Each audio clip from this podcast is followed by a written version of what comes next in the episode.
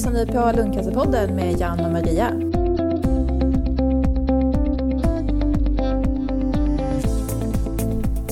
Ja, den där vignetten stämmer ju inte riktigt. Eh, Maria är på resande fot. Så Mia Rajalin är min co-host.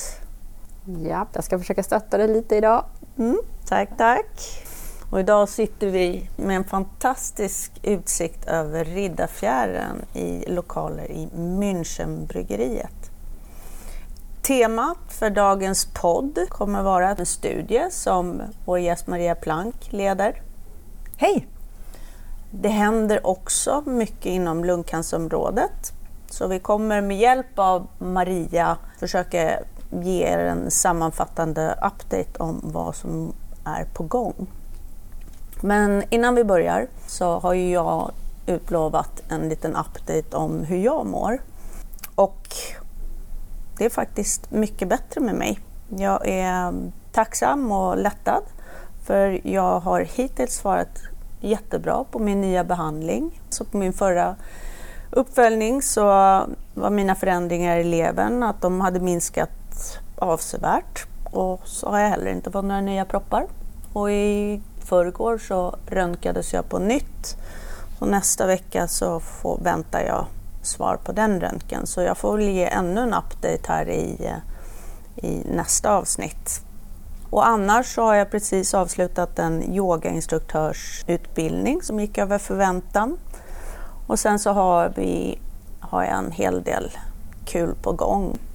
Jag vill också passa på att berätta om eh, lungcancerdagen som ägde rum den 8 november på Oscarsteatern med många intressanta och uppskattade framträdanden på scen.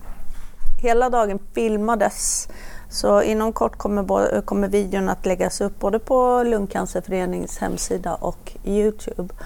Och lungcancerdagen för egen del så blev det en, en mycket intensiv och lång dag.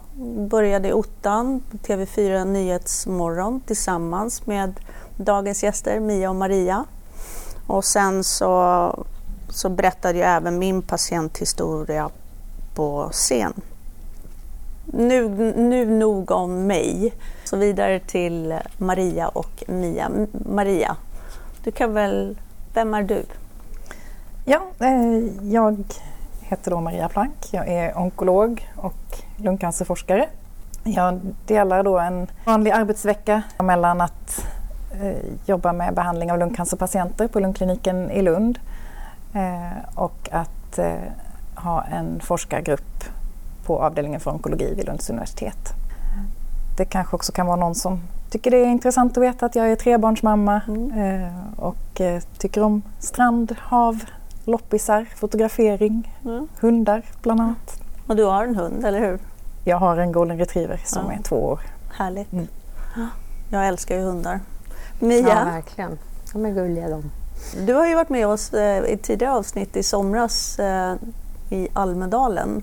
Men du får gärna presentera dig igen. Mm. Jag heter Mia Rajalin och jag är med i Lungcancerföreningen. Jag är också patient och till vardags så arbetar jag som studierektor inom psykiatrin. Jag är psykolog till yrket.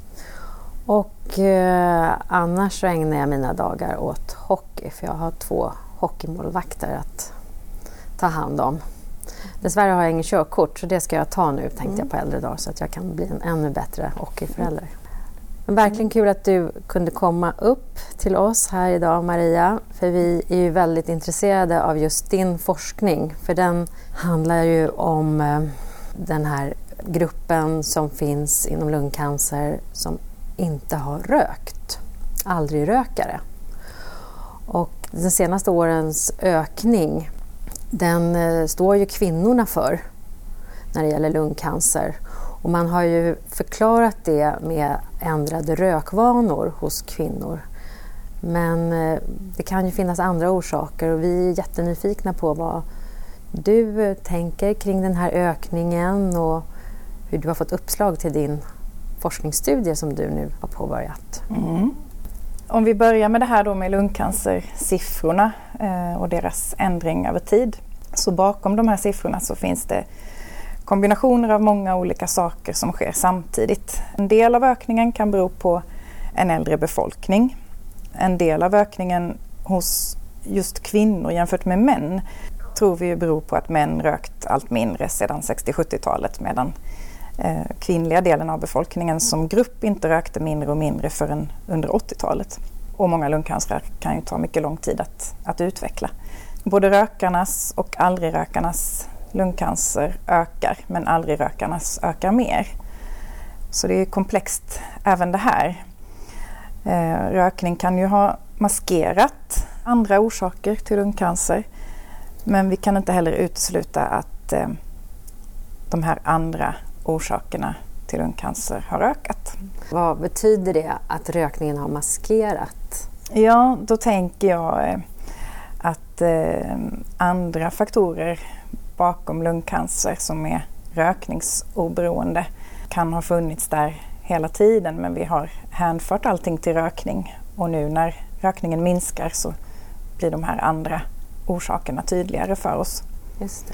Och vilka de här andra mekanismerna och orsakerna är, det har man en hel del idéer om i forskarvärlden. Såsom faktorer i miljön eh, som då kan vara relaterade till, till arbete, till föroreningar, till bostäder, till infektioner kanske. Men förutom miljöfaktorer också kanske genetiska faktorer som då kan vara delvis ärftliga.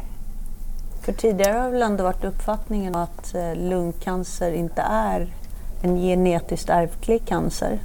Det finns ju eh, känt väldigt eh, ovanlig, eh, ovanliga eh, former av ärftlig lungcancer. Det, det vet man. Men sen börjar man också eh, fundera kring och undersöka om det kan finnas ovanliga ärftliga förändringar som innebär en liten riskökning mm. och som kanske därför inte blir lika lätta att hitta som de här tydliga ärftliga familjerna som vi har till exempel i bröstcancer och tjocktarmscancer. Så jag tror att även detta kan ju ha maskerats, som jag sa tidigare, mm. av att vi har betraktat lungcancer som en sjukdom för rökare. Den här studien då, som ju fokuserar just på rökningsoberoende lungcancer, är egentligen inte en studie utan ett stort projekt eh, med många kommande studier planerade. Så vi är ett nationellt nätverk av eh, lungcancerintresserade forskare, onkologer, lungläkare, patologer. Vi kallar oss för SMIL, Swedish Molecular Initiative Against Lung Cancer. Och jag fick faktiskt lov att presentera lite preliminära eller pilotdata Vad roligt. Mm, på lungcancervärldskongressen tidigare i höstas. Mm.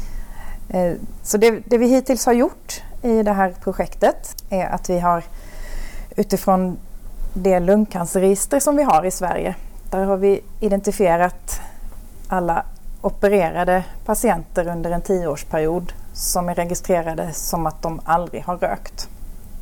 Och sen så går vi då igenom vad det finns för tumörmaterial och vad det finns för uppgifter om sjukdomsförlopp och annan klinisk data och så försöker vi koppla samman detta till en helhet. Det som nu pågår är att vi försöker samla in det här eh, tumörmaterialet med drygt 500 patienter. Eh, och så är målet med första delstudien är att, kartlägga hur tumöregenskaperna ser ut i den här viktiga och växande gruppen av, av lungcancer hos personer som aldrig har rökt. Så på världskongressen, vad var det du berättade? Ja, då berättade jag om det här materialet eh, som då i hela landet är 540 eh, personer med lungcancer utan att ha rökt och av mm. dem är två tredjedelar kvinnor. Eh, de flesta är då av den här typen adenokarcinom som är den vanligaste eh, typen av lungcancer. Och det som jag presenterade då var vad vi hittills har hittat när vi har undersökt de här eh, tumörernas genom eller arvsmassa. Och det man kan säga är att de här tumörerna har en väldigt det, det är väldigt eh, stor andel av de här tumörerna som har förändringar eh, som man kan rikta behandling mot. Mm. Eh, så det var väl i, i korta Så det är alla som, sorters behandlingar då? Det är inte specifika som när vi talar målstyrd eller? Alltså, det mer- ja, med riktad behandling mot så menar jag målstyrd behandling. När förväntas studien vara klar? Materialet är inte helt färdiginsamlat utan vi gör analyserna efterhand. Så eh, jag hoppas att första delen som rör tumöregenskaper i den här gruppen av patienter, att det ska kunna vara klart kanske till sommaren. Är det något som har överraskat, som har varit oväntade resultat som ni har fått fram i studien? Det har nog varit eh, ännu lite högre andel av tumörerna som har uppvisat förändringar som det går att rikta målstyrd behandling emot. Det har det faktiskt varit. Men framförallt så är det ju en första beskrivning av ett faktiskt, tror jag, ganska unikt material. Kanske den största samlingen av aldrig rökande lungcancer i hela världen, eller bland de största i alla fall. Så att det kommer kunna användas till många kommande projekt. Men vad kommer i slutändan för oss patienter? Vad hoppas du att den här studien kommer betyda för oss? Det övergripande målet är att öka kunskapen om den här gruppen aldrig rökande lungcancer. Eh, Så förutom att kartlägga tumörbiologin eh, så vill vi också försöka titta på orsaker till lungcancer hos personer som aldrig har rökt. Men betyder det i det långa loppet att det också kommer möjliggöra tidigare upptäckt? Det kan eh, kanske lägga en pusselbit eh, till att man eh, både kan förebygga och veta bättre hur man ska behandla. Ja. Intressant. Mm. Kommer vi kunna veta mer om orsakerna till varför man får lungcancer? Förutom att försöka lägga de här eh, pusselbitarna kring tumöregenskaper i aldrig rökande lungcancer så kommer vi också försöka koppla ihop den här eh, tumörinsamlingen med andra data som rör kanske var man har bott, vad man har arbetat med. Försöka koppla ihop de data vi har samlat i det här materialet, försöka koppla ihop det med register som finns eh, och som rör hur man har eh, flyttat, arbetat, eh, geografiska förhållanden och annat för att kunna kanske lägga någon liten pusselbit till de bakomliggande orsakerna. Vad intressant. Så då kanske, eh, som i dagsläget, är du ju i en riskgrupp om du har rökt och över en viss ålder och så, så de kriterierna kanske kommer att ändras. Kan komma att bli fler Ja. kanske. Utöver den här studien, då, har ni några andra spännande projekt på gång? Ja, vi, vi har en sak, vi, vi frågar faktiskt alla våra patienter i Lund om de är intresserade av att eh, delta i forskningsprojekt. Och då är det mycket som handlar om att kunna i vanliga blodprov försöka eh, ta reda på eh, vilka patienter som löper ökad risk för återfall eller tumörtillväxt. Så vi har eh, flera olika studier eh, på gång där vi eh, genom att titta på blodprov eh, kan under uppföljning eh, efter en lungcancerbehandling eller under en pågående lungcancerbehandling säga någonting om hur det kommer att gå för patienten.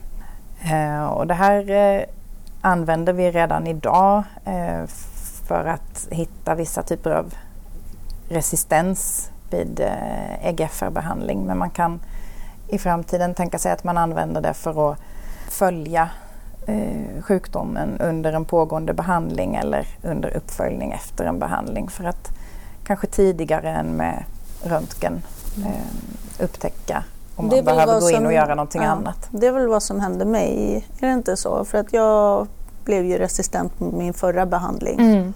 Och då genom ett blodprov så kunde de upptäcka att jag hade den här mutationen T791 Ja, och den- därmed kunde sättas Mm. på osimertinib. Är det så?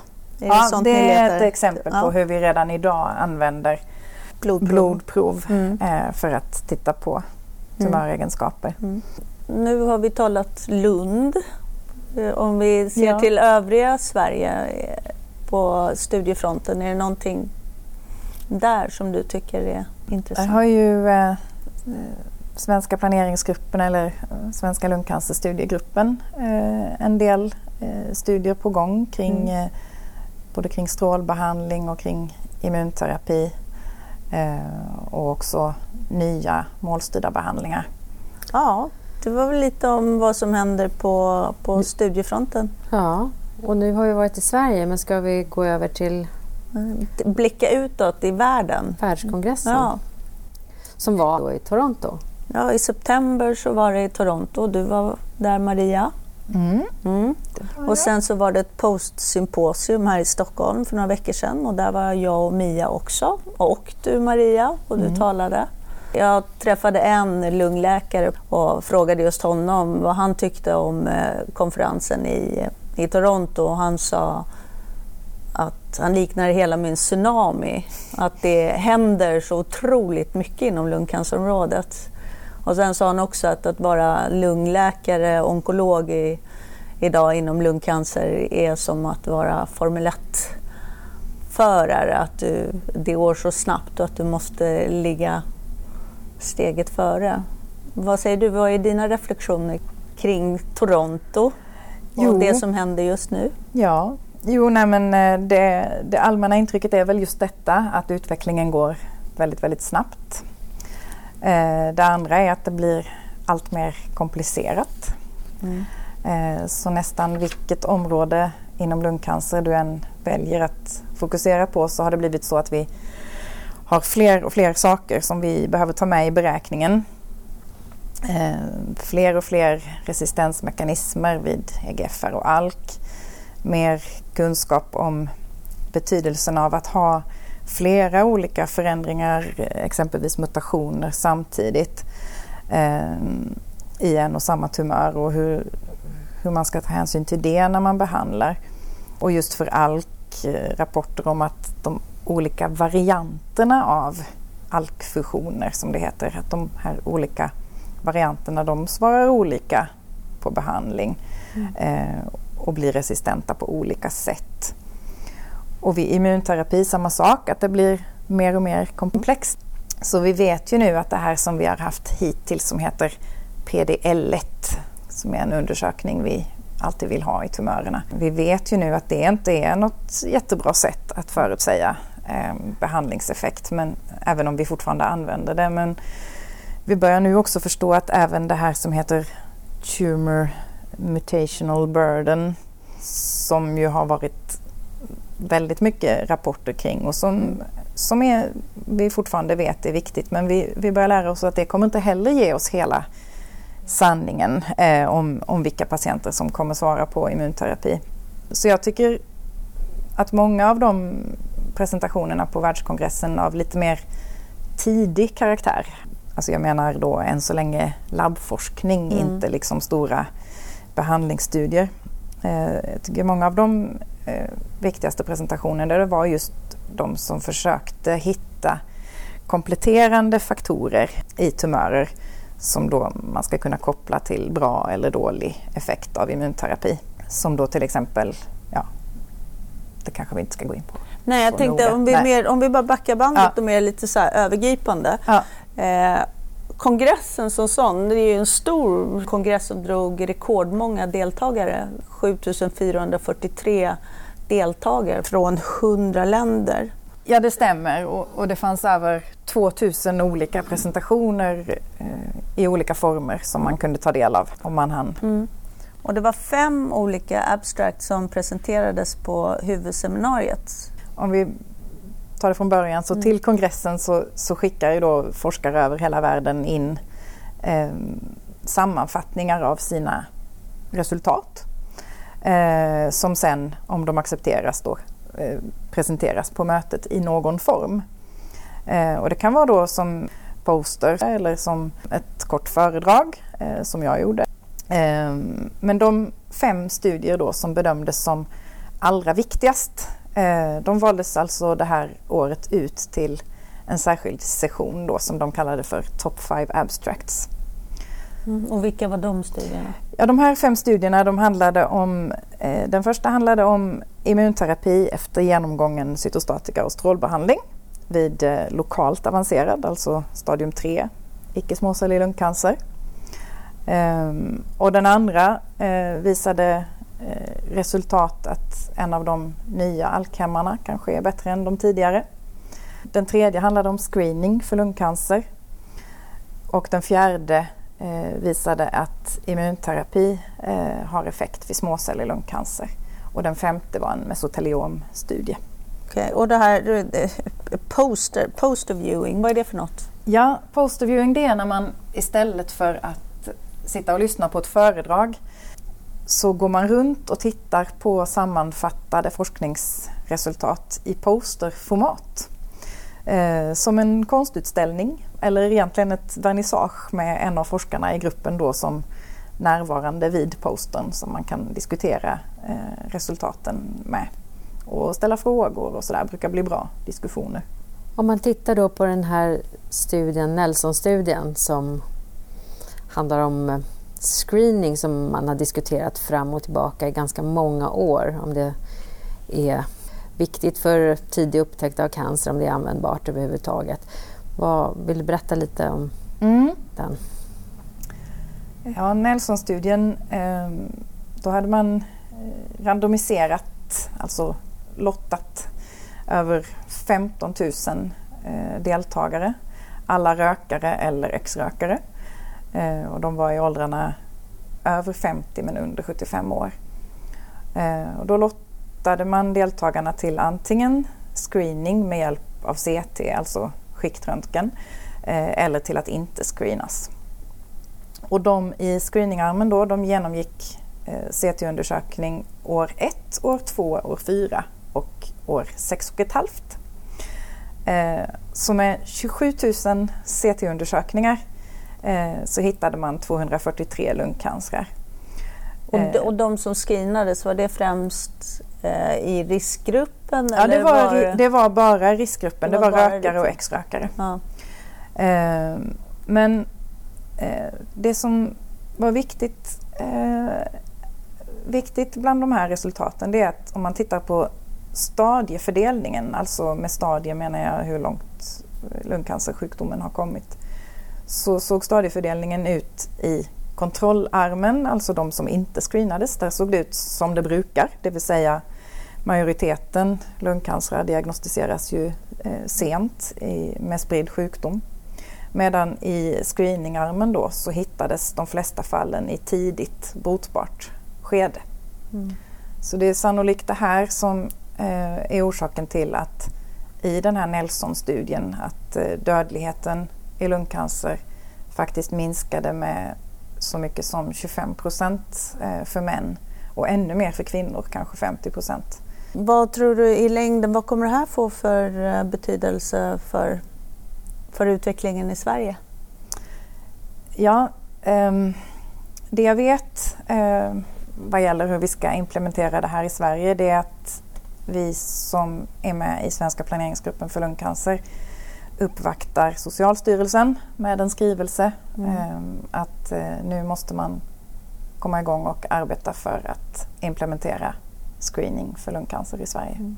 För vi googlade lite på det här igår och då så dök det upp att just Ella Bolin som är barn och äldrelandstingsråd i Stockholm, där hon nu sa att de har beslutat att alla kvinnor som eh, går på mammografi också ska erbjudas undersökning av lungcancer. Görs det någonstans i övriga Sverige? Vet du? Jag vet faktiskt inte om man någonstans eh, har börjat koppla ihop mammografi och lungcancerscreening. Men i så fall så skulle ju även aldrig-rökare komma med i den screeninggruppen, vilket de inte gör ju om man Nej. tittar på hur man screenar riskgruppen ja, i Nelson-studien till exempel. Ja, precis. Och exakt hur man ska utforma screening i Sverige, det är ju långt ifrån bestämt. Utan första steget är ju liksom att Socialstyrelsen måste bestämma att det ska göras. Så vad har du för tankar om hur man ska hitta lungcancerfall bland aldrig-rökare? Jag tror att eh, man behöver jobba på att öka medvetenheten om att den här gruppen finns. Jag tror att den ökar, men det behövs göras ännu mer. Mm. Eh, mm. På POT-symposiet så var ett område som också diskuterades var patologi där patologen Christian Ortiz Villalon från Karolinska eh, just rapporterade från, eh, från Toronto. Han berättade ju bland annat om hur framtida behandlingar kan bli än mer skräddarsydda än vad de är idag. Men att det kräver ett bättre underlag både från eh, lungläkare och eh, onkologer. Att man måste beställa mer utökade tester vid diagnos och i senare tider även rebiopsi. Men om vi, om vi börjar lite mer övergripande, vad, vad är patologi? Ja, patologi det betyder egentligen läran om sjukdomar. Och patolog det är en läkarspecialitet som vad det gäller just cancersjukdomar ansvarar för att på de tumörprover som vi kliniker skickar eh, så är det patologen då som ska ställa rätt diagnos. Är det godartat eller är det cancer och i så fall vilken typ av cancer? Och det här gör de då baserat på hur det ser ut i mikroskopet eh, och ofta också med hjälp av olika kompletterande undersökningar av proteiner och gener. Mm. Hur ser du på framtiden där inom patologi och vad kan den medföra för oss som lungcancerpatienter? Ja, patologins roll ökar ju eh, hela tiden och det beror ju på den här allt tydligare kopplingen mellan tumörbiologi och behandling. Ja, för det eh. sa, ju, det sa ju Christian, det var att i Toronto kom det fram att 50 procent av alla lungcancerpatienter kan få en annan behandling än till exempel cytostatika mm. beroende på vilken biomarkörstatus de har. Mm. Eh, Precis. Hur ser du på det? Och, ja. och där också lite mer basic, vad är biomarkörstatus? Mm. Ja, biomarkörer det är ju kan man säga ett samlingsnamn på, på allting som hjälper oss att förutom de vanliga sakerna som sjukdomsstadium och så så hjälper biomarkörerna oss att kunna veta vilken behandling eller vilken uppföljning eh, som ska väljas. Olika då beroende på vad det är för markör. Men den mest kända i lungcancer då är ju EGFR-mutation. Ehm, eh, när man säger då att eh, patienter baserat på biomarkörstatus eh, kan få annan behandling än cytostatika ehm, så menar man då att i dagsläget så betyder det att lungcancern har högt PDL-uttryck så att immunterapi har större chans att verka. Eller att lungcancern har någon mutation eller genfusion såsom EGFR, ALK, Rosett eller BRAF. Mm. Eh, och fler sådana förändringar är då på väg. Om vi går vidare, immunterapi är ett annat högaktuellt område där det händer mycket. Eh, på postsymposiet så talade Oskar Grundberg som är lungläkare på Karolinska om eh, om lite av det som är på gång. Det som framstod nytt här var ju ändå synen på PDL-status. Tidigare har det varit avgörande för om jag som patient kvalificerar för immunterapi eller inte. Men om jag förstod Oskar rätt så håller det på att ske en förändring här. Jag tror att det du syftar på är eh, att eh, det nog kommer bli så att oavsett PDL-status Eh, så kommer vi ha en grupp patienter som ska ha immunterapi i kombination med cytostatika. Mm. Eh, och därmed är det ju då fler än bara de med högt PDL som kvalificerar sig för immunterapi. Ja. För visst kommer det vara även att eh, idag har det varit vissa markörer som har varit avgörande. Mm. Men att om vi ser eh, framgent så kan det, även det komma att förändras som Oskar talade någonting om ST, STK11 ja. som markör. Som jag nämnde lite förut så pågår det väldigt mycket arbete med att försöka hitta bättre eh, markörer än PDL för att förutsäga vilka som kommer svara på immunterapi. Mm. För där kommer um, väl också det här med att ha ett högt TMB, High Tumor ja, Burden? där kommer det... också det här med att ha högt eh, Tumor Mutational Load det är eh, en faktor som eh, man vet ökar chansen till att svara på immunterapi. Mm. Um, och sen var det också, precis som du nämnde, eh, rapporter om att förekomst av både STK11-mutation och en annan mutation som heter KEAP1. Um, ehm, studier då från Sloan Kettering-institutet i New York som visade att har man båda dessa två mutationer samtidigt i tumören eh, så är man resistent mot immunterapi från början. oavsett vad man har för tumor mutational load. Mm. Um, så att uh, ja, det här mm. fältet blir också mer och mer komplext. Ja. Mm. När tror du att uh, det kommer bli aktuellt att mäta de här indikatorerna i Sverige? Ja, tumor mutational load, um, det tror jag vi kommer börja göra väldigt snart. Mm. Eh, och sen så tror jag att eh, de här andra prediktiva faktorerna eh, som är mera på forskningsstadiet, där behöver man få säkrare data. Mm. Men då eh. är det just i, eh, i diskussioner om behandling, immunterapi i kombination med cytostatika eller? Jag tror att i en nära framtid så kommer vi ge eh, immunterapi och cytostatika i kombination ganska oselekterat. Men att vi kommer få bättre och bättre biomarkörer eh, som kun, kommer kunna hjälpa oss att styra vilken patient som kommer ha bäst nytta av vilken behandling. Mm. Mm. Eh, om vi nu talar immunterapi, var det någonting annat som stack ut? på kongressen? Ja, det skulle ju vara då de lovande resultaten på småcellig lungcancer där det ju var väldigt länge sedan det hände någonting positivt. Så det ska bli spännande att följa. Och ännu ett område som du också talade om på postsymposiet det är ju målstyrd eh, behandling. Mm. Det verkar ju som att patienter med ALK-mutation det är de som har dragit en vinstlott. Kan man säga så? att det händer otroligt mycket inom alkområdet. Ja, det gör det ju, men det gör det också inom EGFR-området och inom målstyrd behandling överhuvudtaget. Eh, man kan säga, har man möjlighet att ge målstyrd behandling eh, så är det alltid det bästa alternativet. Och där, precis som du säger, så händer det väldigt mycket. Dels eh, nya eh, läkemedel mot befintliga targets eh, men också eh, nya eh, genetiska förändringar där vi kommer kunna rikta läkemedel emot. Och sen också att vi eh, lär oss eh, mer och mer om hur man ska kombinera olika läkemedel, i vilken ordning man ska ge dem och i vilka situationer man ska ge dem.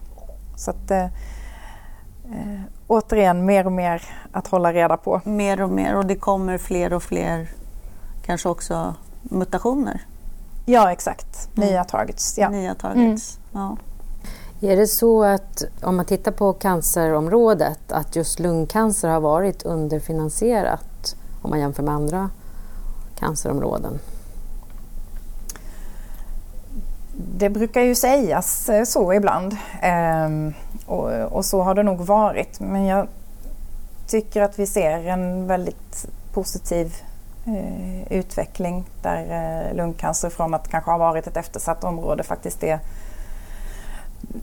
det, det område inom onkologin där det händer allra mest. Och eh, ofta liksom står för de största nyheterna och flesta presentationerna och så på de stora cancerkongresserna och sådär.